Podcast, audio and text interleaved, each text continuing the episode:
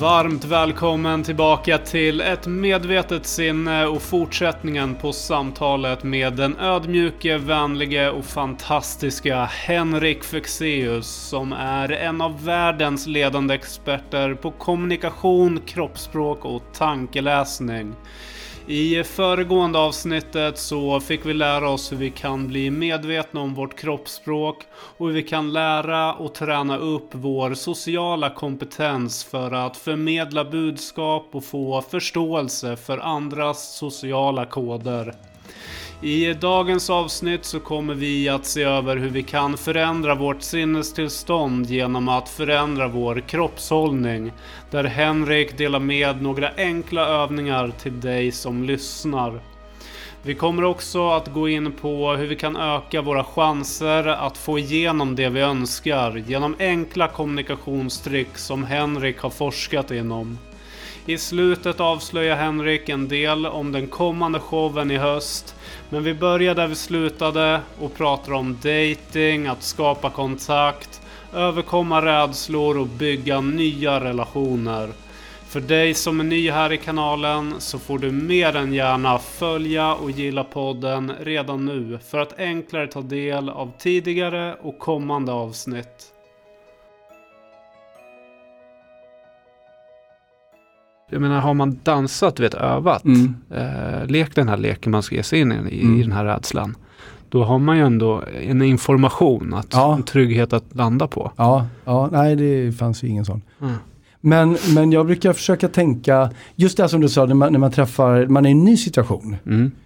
Men för, för vi, vi, pratade om, om, eh, om dating innan lite kort. Just det. Eh, och det är någonting som jag vet många, åh oh, gud, där sitter någon jättespännande människa som ah. jag sett flera gånger, jag skulle vilja prata med den här människan. Tänk om jag fått nej. Mm.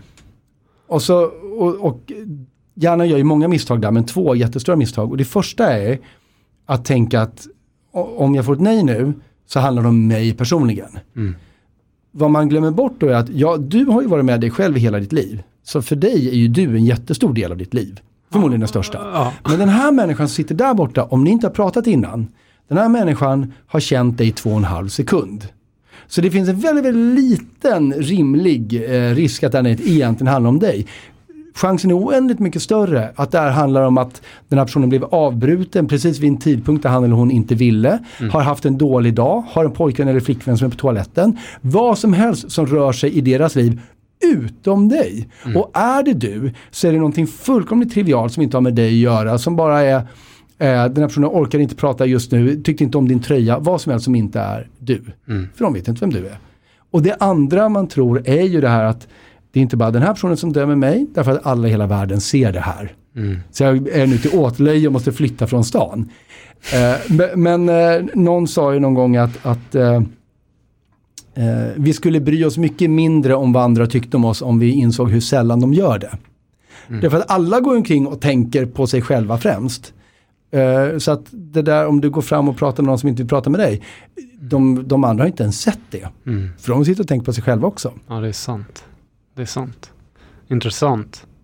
Jag tänker bara själv de gång, gånger man har gått fram. Vi hade ju sån övning i försäljning att man skulle gå fram och säga hej till ja. random folk. Det var liksom ja. första grejen för att bara bli bekväm och gå fram ja. till random folk.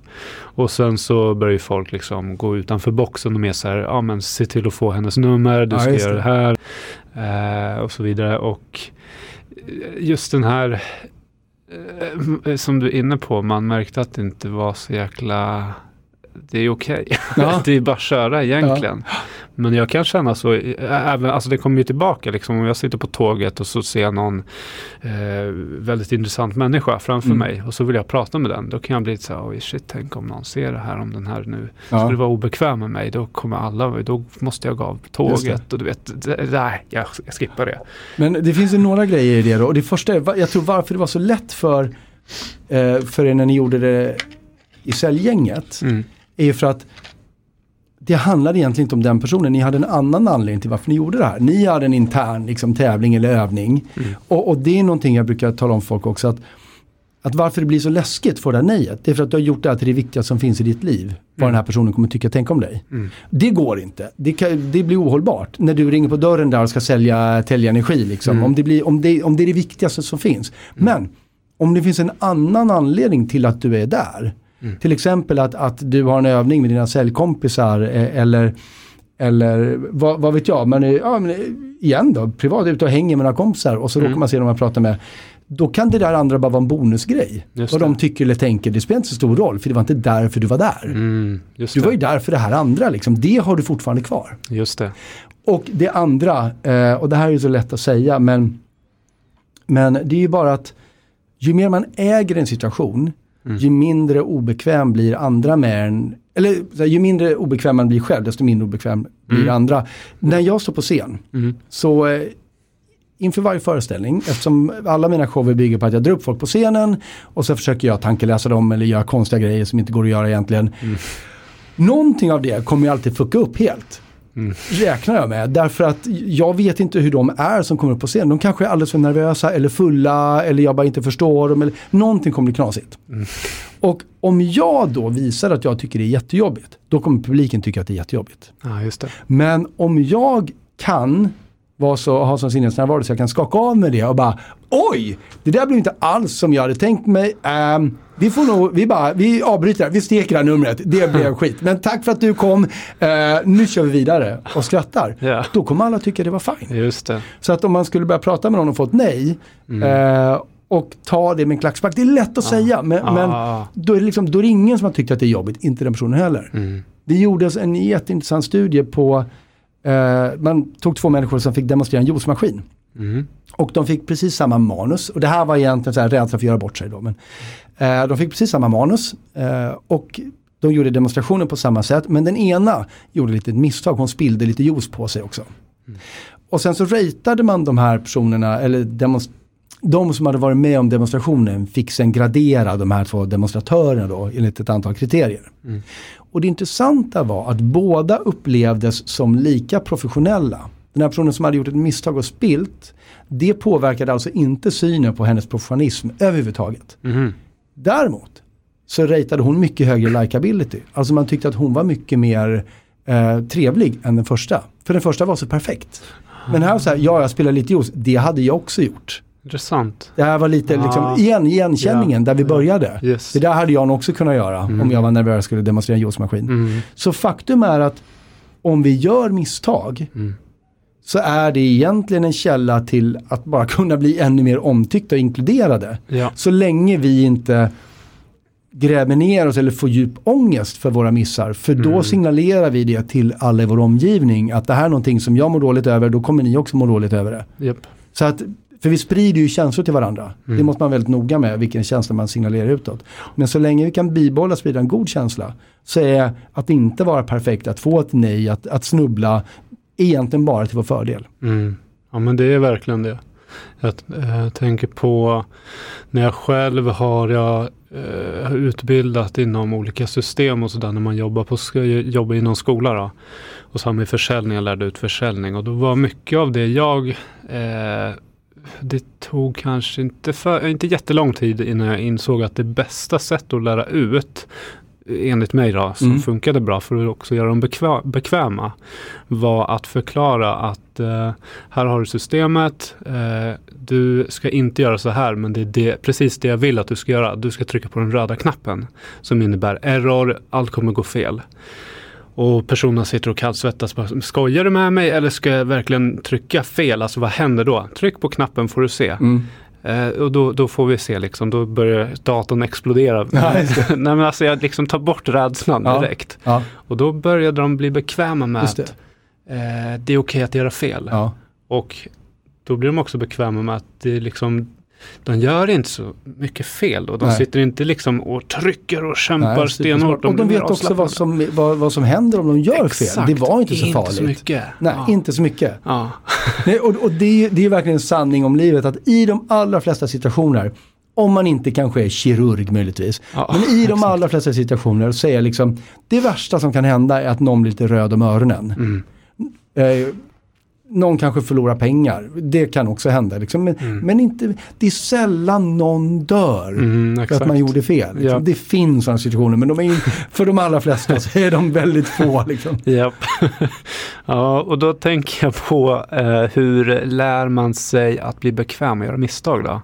Eh, kanske enkelt att säga gå ut och göra misstag men Ja, ja, ja, jag tror ju en, en sak. Eh, alltså jag, jag, tror att du är inne på det som kanske är ofrånkomligt. Att, att man försätter sig i situationer där som man vet inte kommer vara perfekta. Och, eh, eller där man kanske, mm. man kan till och med gå ut och med flit göra misstag, med flit få nej. Mm. Eller trycka på den röda knappen. Men, men hur vågar man göra det då till en början? Exakt. Jo, då är mitt förslag, det vi pratade om innan, att låt inte situationen handla om det. det. Tänk på det som att Uh, nu ska jag göra en liten övning där jag ska, jag ska se hur många som kan säga nej till mig i den här parken inom två minuter. Så får jag statistik på det.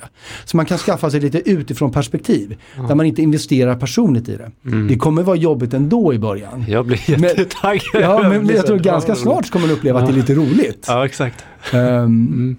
Så, eh, så jag, men jag tror mm. att det kan vara liksom det första lätta steget in. Att få det att handla om någonting annat till en början. Mm. Uh, och sen är det ju som de du undervisade insåg att ja, det, var, aha, det här var det värsta som kunde hända. Ja, ja men det var inte ah. hela världen liksom. Ja.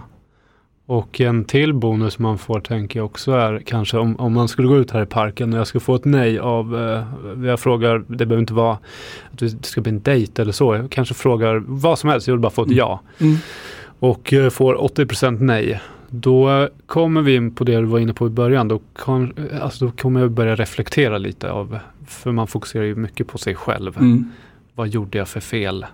Och då kanske man börjar landa i att ah, men jag stod väldigt konstigt, jag pratade väldigt... Absolut. Börjar man lära sig. Absolut, så kan mm. det vara. Och man kanske också noterar vilket tillstånd befann sig de andra i när jag fick ja mm. eller nej. Mm, jag kanske inte skulle vad konstigt att jag får nej av alla som går väldigt fort. Ja, eh, ja för de är på väg någonstans. Ja, ah, alltså, det. det är sant. Senast beteende. Eh, men, men och där är ju tal är ju jätteintressant. Det gjorde ett experiment också med.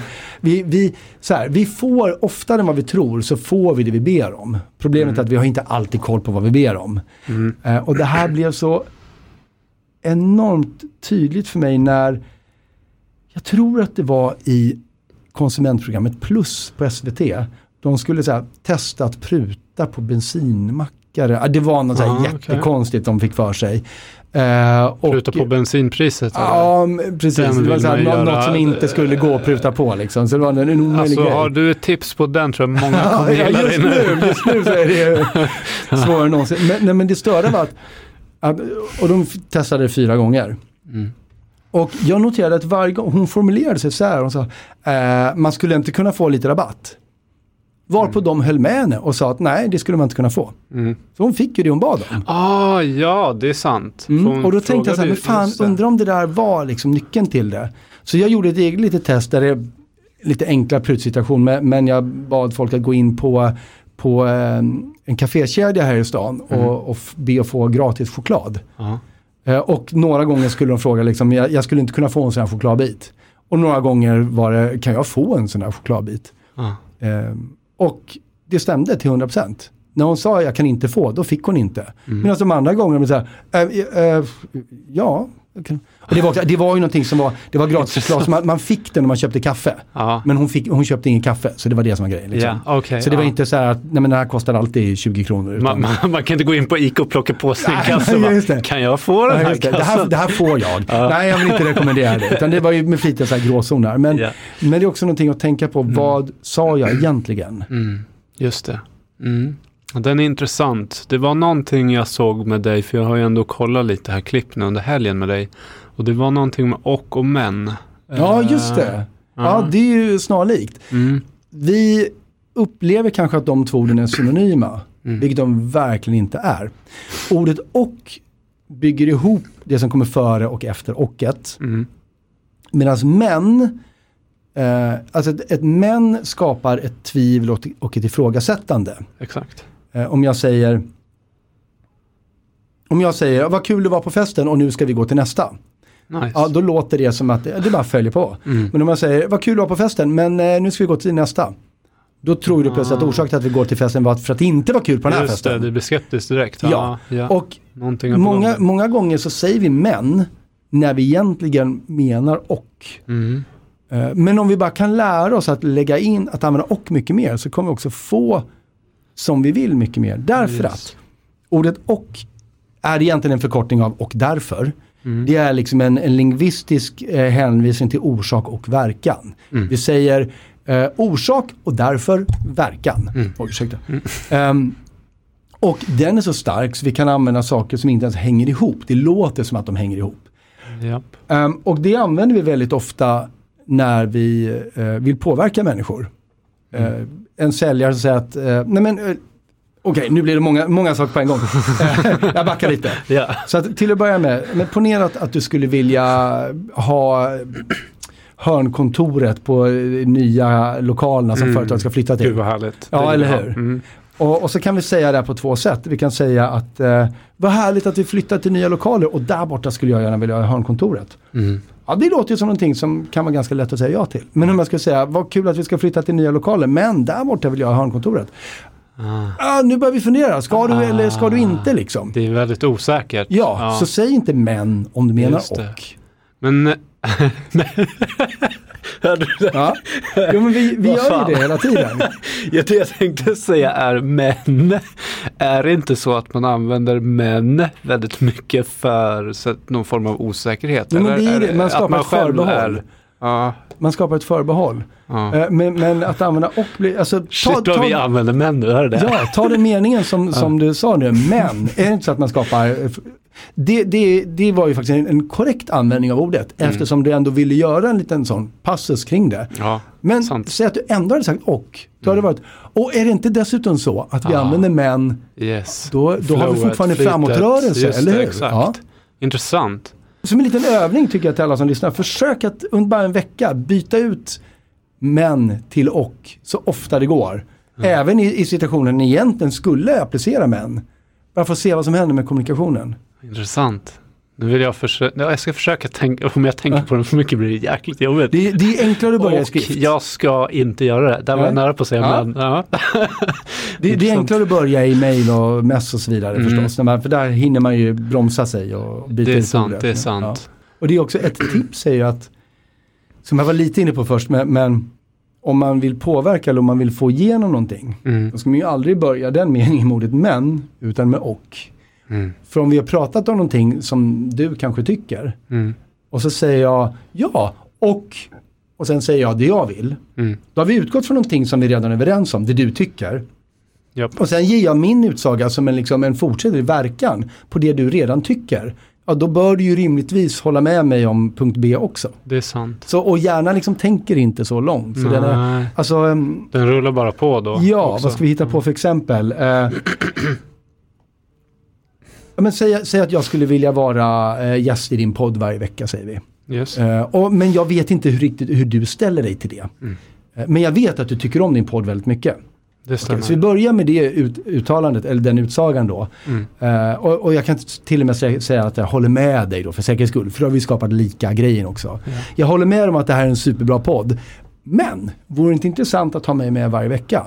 Då har jag just sagt att din podd inte är jättesuperbra, Ja, just det, just När det. man säger, du jag håller med om att det här är en superbra podd. Och därför vore det ju toppen om jag också var gäst varje vecka, eller hur? Kom igen nu. Då låter det ju som att det är ett resultat av någonting vi redan Hen- tycker. Henrik vara med varje Ja, vecka. Okej? Så att använd alltid, alltid och. Alltid och. Ja, men den är bra. Grymt. den är intressant. Sen hade jag någon annan. ehm, eh, några av frågorna är ju också eh, dels från mig men också några av de som följer mig på Instagram och Ja, sådär. vad För jag- kul. En intressant fråga var också så här att eh, fin- går det att ha ett kroppsspråk som inte går att läsa? Ehm, ja, om du sätter dig på händerna. så det ju svårt. Men, eh, men, men om, om personen i fråga me- menar om, om det av, av naturen, alltså liksom ett, det inlärda, ett så otydligt kroppsspråk. Ja, alltså ty- typ så här, hur kan, jag, hur kan jag ha ett så otydligt, hur kan jag gömma mig bäst? Eller, Ja, vad- jag så det är med mig, flit, lite det är med flit då? Ja, Ja. jag tänker att vi går åt det hållet, Ja. för då får vi eh, mer... Jag, jag, Ja. skulle säga, jag skulle nog hävda att vi skickar alltid ut signaler. Mm. Sen kan de signalerna vara tydligare eller mer diskreta. Men de finns alltid där och man vet vad man ska titta efter. Mm. Och finns de inte i kroppsspråket så finns de i ansiktsuttrycket. Okej. Därför att i ansiktet så signalerar vi otroligt mycket om våra känslomässiga stadier och hur mycket jag tror på det du säger just nu och inte och så vidare. Mm. Ehm, och lär man sig bara vad, vad de olika liksom, ansiktsmusklernas användning Mm. betyder. Man, vi, vet, vi vet det redan omedvetet, men om man Mm. också lär sig det medvetet då kan man bli ännu vassare på att fånga upp vissa signaler. Det. Och det, det går inte att dölja därför att känslolägen Mm. är ju också hormonomställningar, alltså fysiologiska förändringar i kroppen. De, och de påverkar även vår ansiktsmuskulatur eh, rent automatiskt. Ah. Det är otroligt svårt på gränsen till omöjligt att kontrollera ansiktet. Ah. Och försöker vi göra det så försöker vi ofta kontrollera nedre delen, munnen. Det vill säga vi ler hela tiden för att maskera vad vi egentligen känner. Men pannan, ögonbrynen, ögonen, det är nästan omöjligt att dölja vad man egentligen tycker och tänker där. Mm, intressant. För det jag tänker på ehm, när man är inne på just den frågan är väl det kanske är lite, nu har inte jag en aning utan jag bara drar lite så här eh, tolkning utifrån frågan då. Men om man då, det kan vara så här, vi säger att eh, du är väldigt svår att läsa, säger vi. Mm. Jag vill verkligen lära mig läsa dig, Mm. eh, men du har inget kroppsspråk, det, det, jag kan inte tolka dig. Då är det ögonbryn, ögon, Mm. Det är liksom det jag ska kolla efter. Och vad man också kan göra, ja, och vad man också kan göra för att om man vill eh, läsa människor, om det är liksom en människa som inte med flit då inte vill skicka ut någonting, som sitter Mm. med solglasögon och halsduk, det blir svårt. Ja. Men, men man kan ju all, man kan också fråga den här personen, bara, eh, förlåt, jag, jag kan ha helt fel men Mm. jag upplever att du just nu blev lite irriterad. Stämmer det eller vad känner du just nu? Mm. Därför att då kommer man alltid få den andra personens svar på vad det är de egentligen upplever. Och då kan ju det matcha med, bra då vet jag att den här personen känner X, då är det så här de ser ut. Mm. Så då kan jag bygga upp ett litet bibliotek för just den personen i min erfarenhetsbank. Mm. Och det gör vi egentligen för alla människor därför att alla har ju lite olika kroppsspråk. Mm. Så att ställ frågan. Liksom. Mm. Mm. Bra tips. Ganska naturligt också att Ja. göra det. Mm. Bra. Ehm, och sen tänker jag på också med, um, jag har tagit upp det många gånger, Tony Robbins är ju en av de som har inspirerat mig mycket. Mm. Han pratar ju mycket om att ändra kroppen så ändrar du sinnestillståndet. Mm. Eh, har du några mm, tips där på att man vill ha ett sinne, jag vill ha ett sinnestillstånd där jag känner mig trygg och jag känner mig lycklig och du vet så här, stunden är verkligen, jag, jag måste känna mig mer lycklig. Och så här, jag, eller man vill det Ja, för ett ja. mer välmående. Ja. eller hur? Eh, Hur- lycklig är ett väldigt stort ord tycker jag. Mm. Det är, jag tycker att det finns eh, en hel del missförstånd om, om vad lycka är för någonting. Jag, jag vet inte alls vad det är du frågar om, men, men jag ska återkomma till frågan. Ja, Vi reder ut lycka vi först. pratar om Mm. lycka som att det vore någon form av högsta graden av välbefinnande. Mm. Eh, Och det är det, men det är absolut inte ett långvarigt tillstånd. För mig är liksom lycka någonting som av, av nödvändighet, eh, det är en extrem form av eh, av, av välmående Mm. som ofta är över på några sekunder eller någon minut. Men, men är, man går inte omkring och är lycklig liksom i, i veckor om man Nej. inte är helt nykär och liksom hormonerna rusar hela tiden. Mm, Men lycka är ju ett påslag av endorfiner och serotonin 100%. ja. vid ett visst tillfälle. Mm. Och jag tror att jag tror att svenska språket har lite liksom att beskylla där. För när man tittar på den forskning som har skett som, eller som har gjorts om det. All forskning som har bedri- bedrivits utomlands. Den har ju handlat om det man kallar för happiness. Mm. Välbefinnande. Mm. Men vi har av någon anledning översatt det till lycka. Det. Och då har det liksom fått någon form av över, så här, glidande betydelse. Lycka är någon form av så här, tillstånd vi ska kunna befinna oss i. Hela tiden Ja, också. Ja, Det, men det är lite som att säga att man så här, Mm. ilska. Mm. Det- är inte heller någonting som man är i hela tiden. Det skulle vara helt utmattande. Mm, Det är också liksom ett, ett snabbt påslag som sen är över. Jag, jag tycker de två är ganska jämförbara. Så Mm. det är bara, jag vill bara vara tydlig om det. Jag tycker inte att man ska jag tror man gör sig själv en otjänst. Man känner nej men jag behöver känna mig mer lycklig. Ja, Ja, du kanske, du kanske vill få lyckokänslor lite oftare än vad du har. Det kan Mm. man med på. Liksom. Men, här, men inte som permanent tillstånd. Jättebra att du lyfter den, för den var, det är faktiskt otroligt viktigt som du säger, att man får en, eh, just den här förståelsen att eh, det handlar ju mycket om den här dopaminvågen också, Mm, och alla de här lyckorusämnena. Att eh, stay high, alltså du kan inte vara on the high på lyckan hela tiden, för den kommer dippa. Ja, och, Och- är du och- det så det enda som händer är att du kommer öka din toleransnivå. Liksom. Ja, så det exakt. spelar ingen roll. Så okej, okay, då är ju frågan snarare hur kan jag få en god balans? Ja, om, eller må bra. Bara, exakt. Ja. ja. Och, då, och då är det ju så att kroppen har ju vissa beteendemönster som vi använder oss av när vi mår dåligt, när vi mår bra. Och mm. varför de är som det är, det finns en massa fysiologiska förklaringar och idéer kring det. Men för de allra flesta människor så är det så att när vi går in i ett negativt känsloläge mm. då, eh, då sjunker vi ihop lite, vi tappar muskeltonus i ansiktet, mm. vi rynkar upp ögonbrynen, vi kanske tittar lite ner i golvet till och med. Mm. Sådär. Mm. Och om vi gör det varje gång vi blir ledsna då skapar det en association till vår hjärna som säger att nu ska du, liksom, nu ska du gå in i de negativa kognitiva nätverken här. Jag brukar göra en övning när jag föreläser när jag ber folk sätta sig just så här. Sen så ber jag någon komma på en rolig historia. Och det är typ mm. omöjligt. För vi mm. accessar inte liksom den delen av våra tankenätverk då. Mm. För det är inte de vi har frigjort. Kroppen har ju sagt att nu ska du tänka de dåliga tankarna. Mm.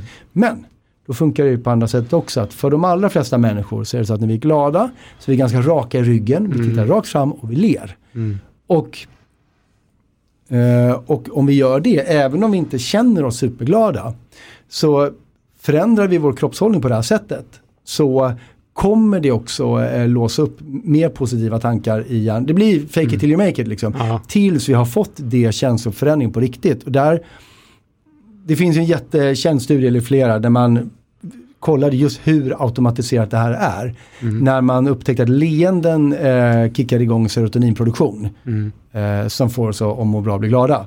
Och så då tvingade man människor att le genom att bara sätta en blyertspenna i munnen på dem. Mm. Eh, så att det blev ett väldigt stelt leende, men det blir ett leende. Om du har mm. blyertspenna i munnen så måste du ha den liksom formen på läpparna. Mm. Och det räckte för att kicka igång serotoninet. Mm. Och då tänker hjärnan, shit, här kommer serotonin, jag mår uppenbarligen jättebra. Här är alla glada tankar, varsågod. Mm. Så att det, det, det, är lustigt att, att vi kan styra vårt... Jag tror att när vi ska styra våra känslolägen, att vi försöker så mycket tänka på just känslorna när det faktiskt är enklare att styra våra kemiska lägen i kroppen och mm. på så sätt styra känslorna. Bra sagt. Aha. För det vi kallar för känslor är ju ingenting annat än kemiska stadier Nej. i kroppen. Yes. Och det, vi och det där vår upplevelse av den, det är just hur det känns när adrenalin eller serotonin eller vad det nu är mm. eh, får en extra boost. Och så kallar vi det för ilska eller kärlek eller vad det nu är. Men det är mm. vår upplevelse av en kemisk förändring. Mm. Och den kan vi påverka liksom på de här mekaniska nästan sätten. Ja. Eh, som att förändra vår kroppshållning. Som en blyertspenna. Ja men det är otro, otroligt bra sagt. Otroligt bra. Och du tänk, tänk också så här, eh, det kanske man, det blir långt om du ska svara på alla de frågorna med så här, hur, hur ska kroppshållningen vara i det här state of mind? Det blir ju väldigt ja, men jag, många. Liksom, men, Fast det finns en, då tror jag att det finns ett generellt svar på det. Mm. Och det är att, för som jag varit inne på, att, att alla är ju lite olika i sin kroppshållning. Mm.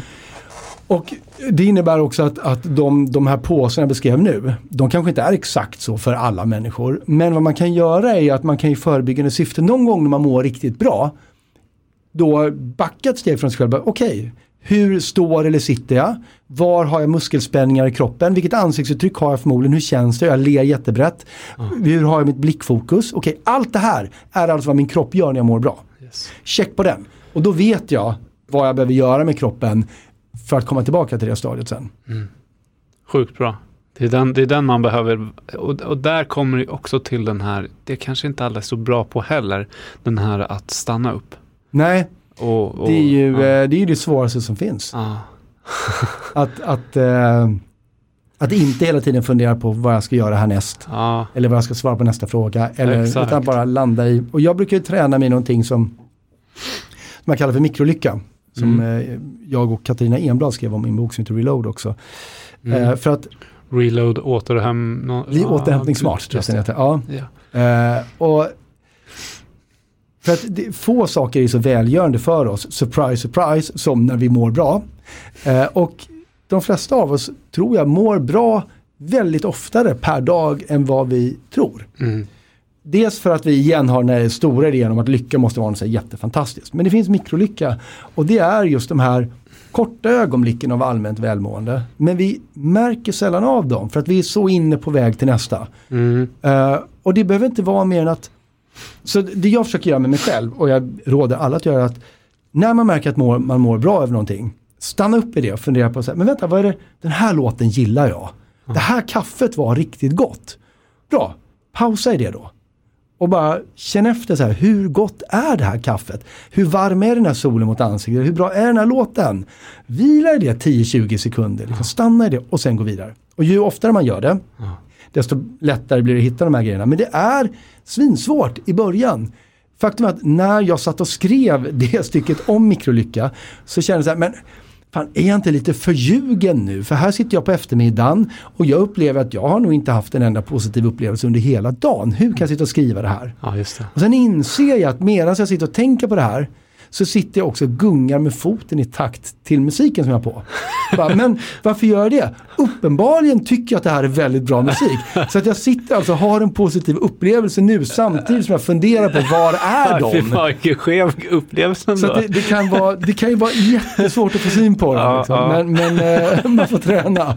Men det där måste ju kännas ganska lustigt när du sitter där bara, vänta min fot diggar här. Ja, Men eh, men min hjärna är så uppe i sig själv och tankar och skriva liksom, så att jag och, och det är väl också, det kanske är ett bra sätt att, att just hitta de positiva grejerna, att, att gå till kroppen. ja, När någonting känns bra eller smakar bra, inte så här hur mår jag nu, Mm. utan bara verkade kroppen gilla någonting? Exakt. Lägg märke till kroppen. Ja men det, Ja. det är bra. Otroligt bra. Eh, och du, för du har ju många böcker också som är, uh, har du, nio böcker själv? Ja, nio, ja, nio, precis, nio böcker om, eh, om de här sakerna som vi Ja. pratar om, om nu med beteende och, och påverkan och kroppsspråk. Exakt. Det var inte ens meningen att jag skulle skriva en bok. Det bara, det bara blev. Det bara, och sen blev det nio. Ja. Ja. men det är det du, för du är ju, eh, du är ju en känd författare och nu sitter du också med Camilla som också är en känd författare. Mm. Och sen är du en av, eh, nu blir det ett intro på avslutet också märker man. Det påminner folk. Ja, exakt. För du är ju också en fantastisk människa som eh, inte bara eh, i världen är känd för det här, alltså mentalisten, utan Mm. du jag vet inte, du är bra, eller vet inte, du är bra på att skapa kontakt. Och det är väl Ja, tack. kanske för att du just jobbar med kroppsspråk. Jag Vad, hur, jag är nyfiken, vad, jag har aldrig hört det förut. Vad, vad tänker du då? Eller hur? Nej men det känns bara bekvämt. Eh, Ah. och Mm. jag vet, jag tror att det är svårt att lägga märke till som vi var inne på. Det är så här Mm. mikrogrejer som eh, hur, hur du är som människa. Mm. Att du är väldigt, eh, ska man säga, du tar inte för mycket plats. Alltså du tar perfekt plats. Det, det kanske är att du kan läsa av väldigt bra också. Eh, jag, vet, jag har ingen aning. Eller om Nej. du gör det Nej, jag, inte, ja, jag har nog inte tänkt. Jag gjorde nog medvetet till en början, men, Ja. men eh, som med alla de här sakerna så vill jag ju att, att när man tränar sitt kroppsspråk, kroppsspråk och så vidare, att det ska bli en del av ens omedvetna beteende sen igen. Så man Mm. slipper tänka på det. Men så att jag, jag tänker nog inte så mycket på det nu, men, men eh, tack så jättemycket. Ja, ja, men det är lugnt. Jag ska försöka tänka på vad det är. För det, om man tänker bara som när du, när du kom i dörren här, så var du väldigt layback. du var väldigt så här, ja det här blir bra, det är nice.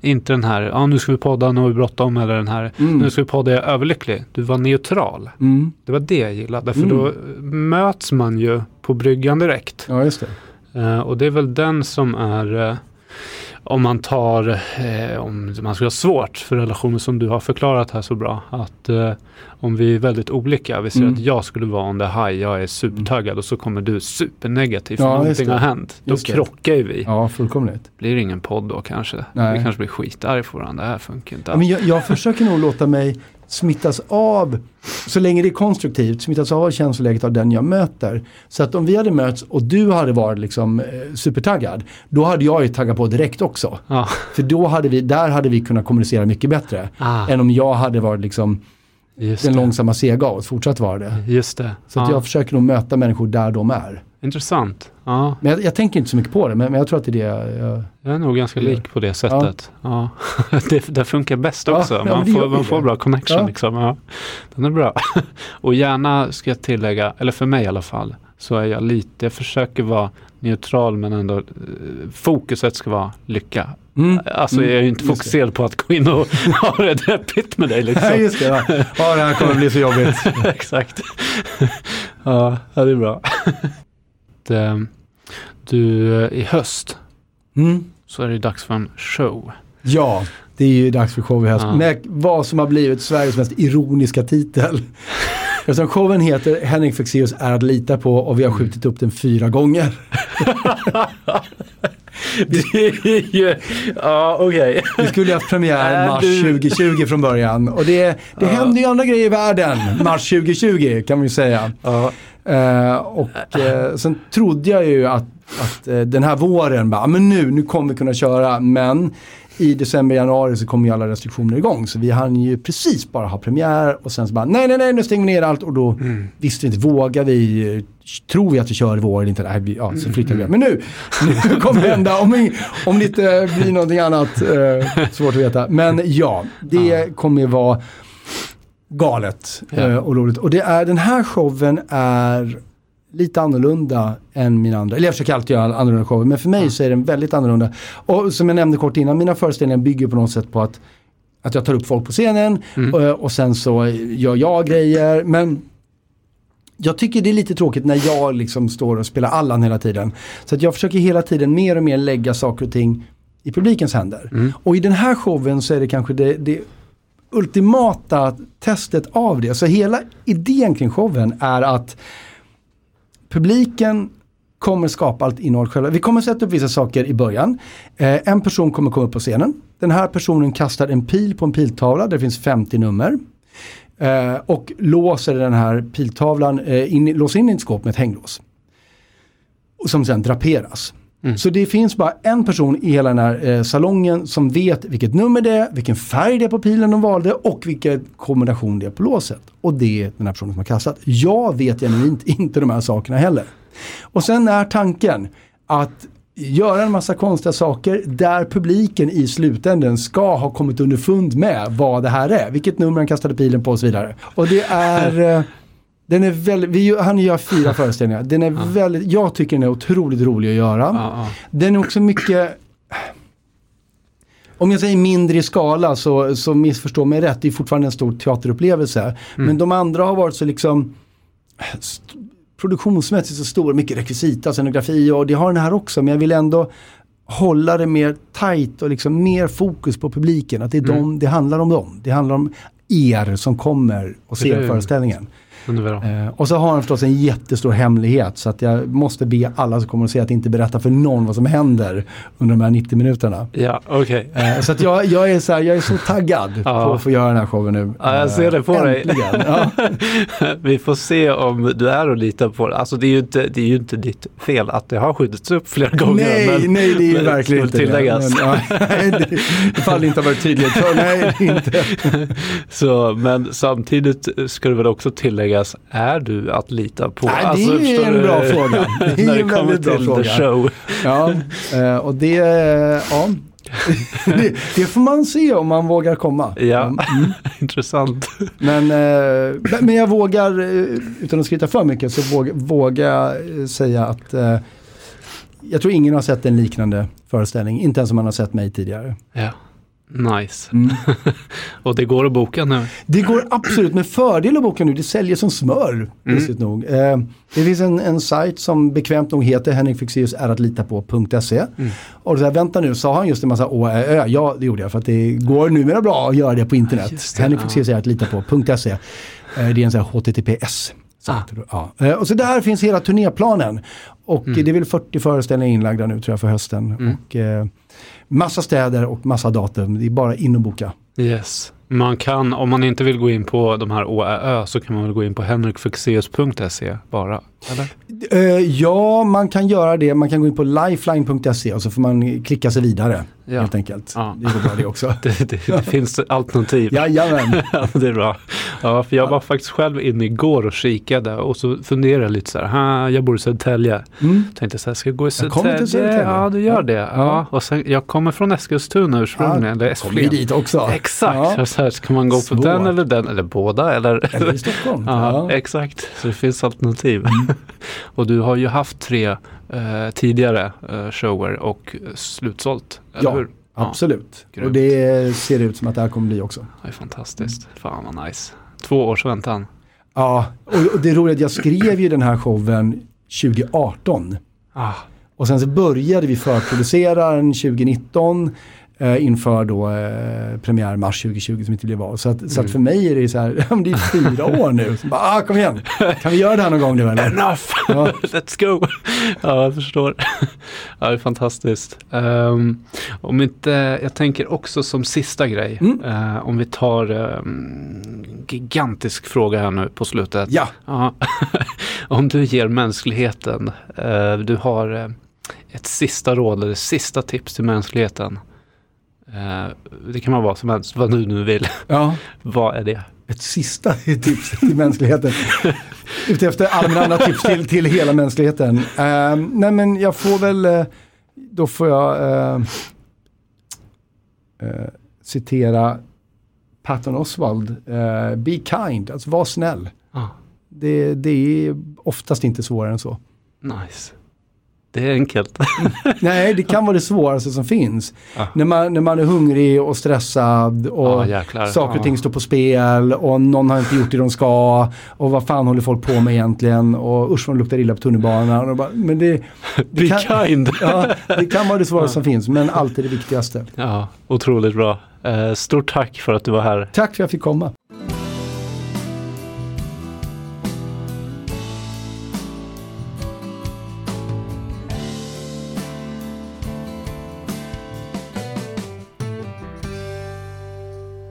Jag vill eh, tacka dig för att du har lyssnat och deltagit i detta avsnitt. Och eh, om du gillade avsnittet så glöm inte att eh, följa, gilla och dela podcasten.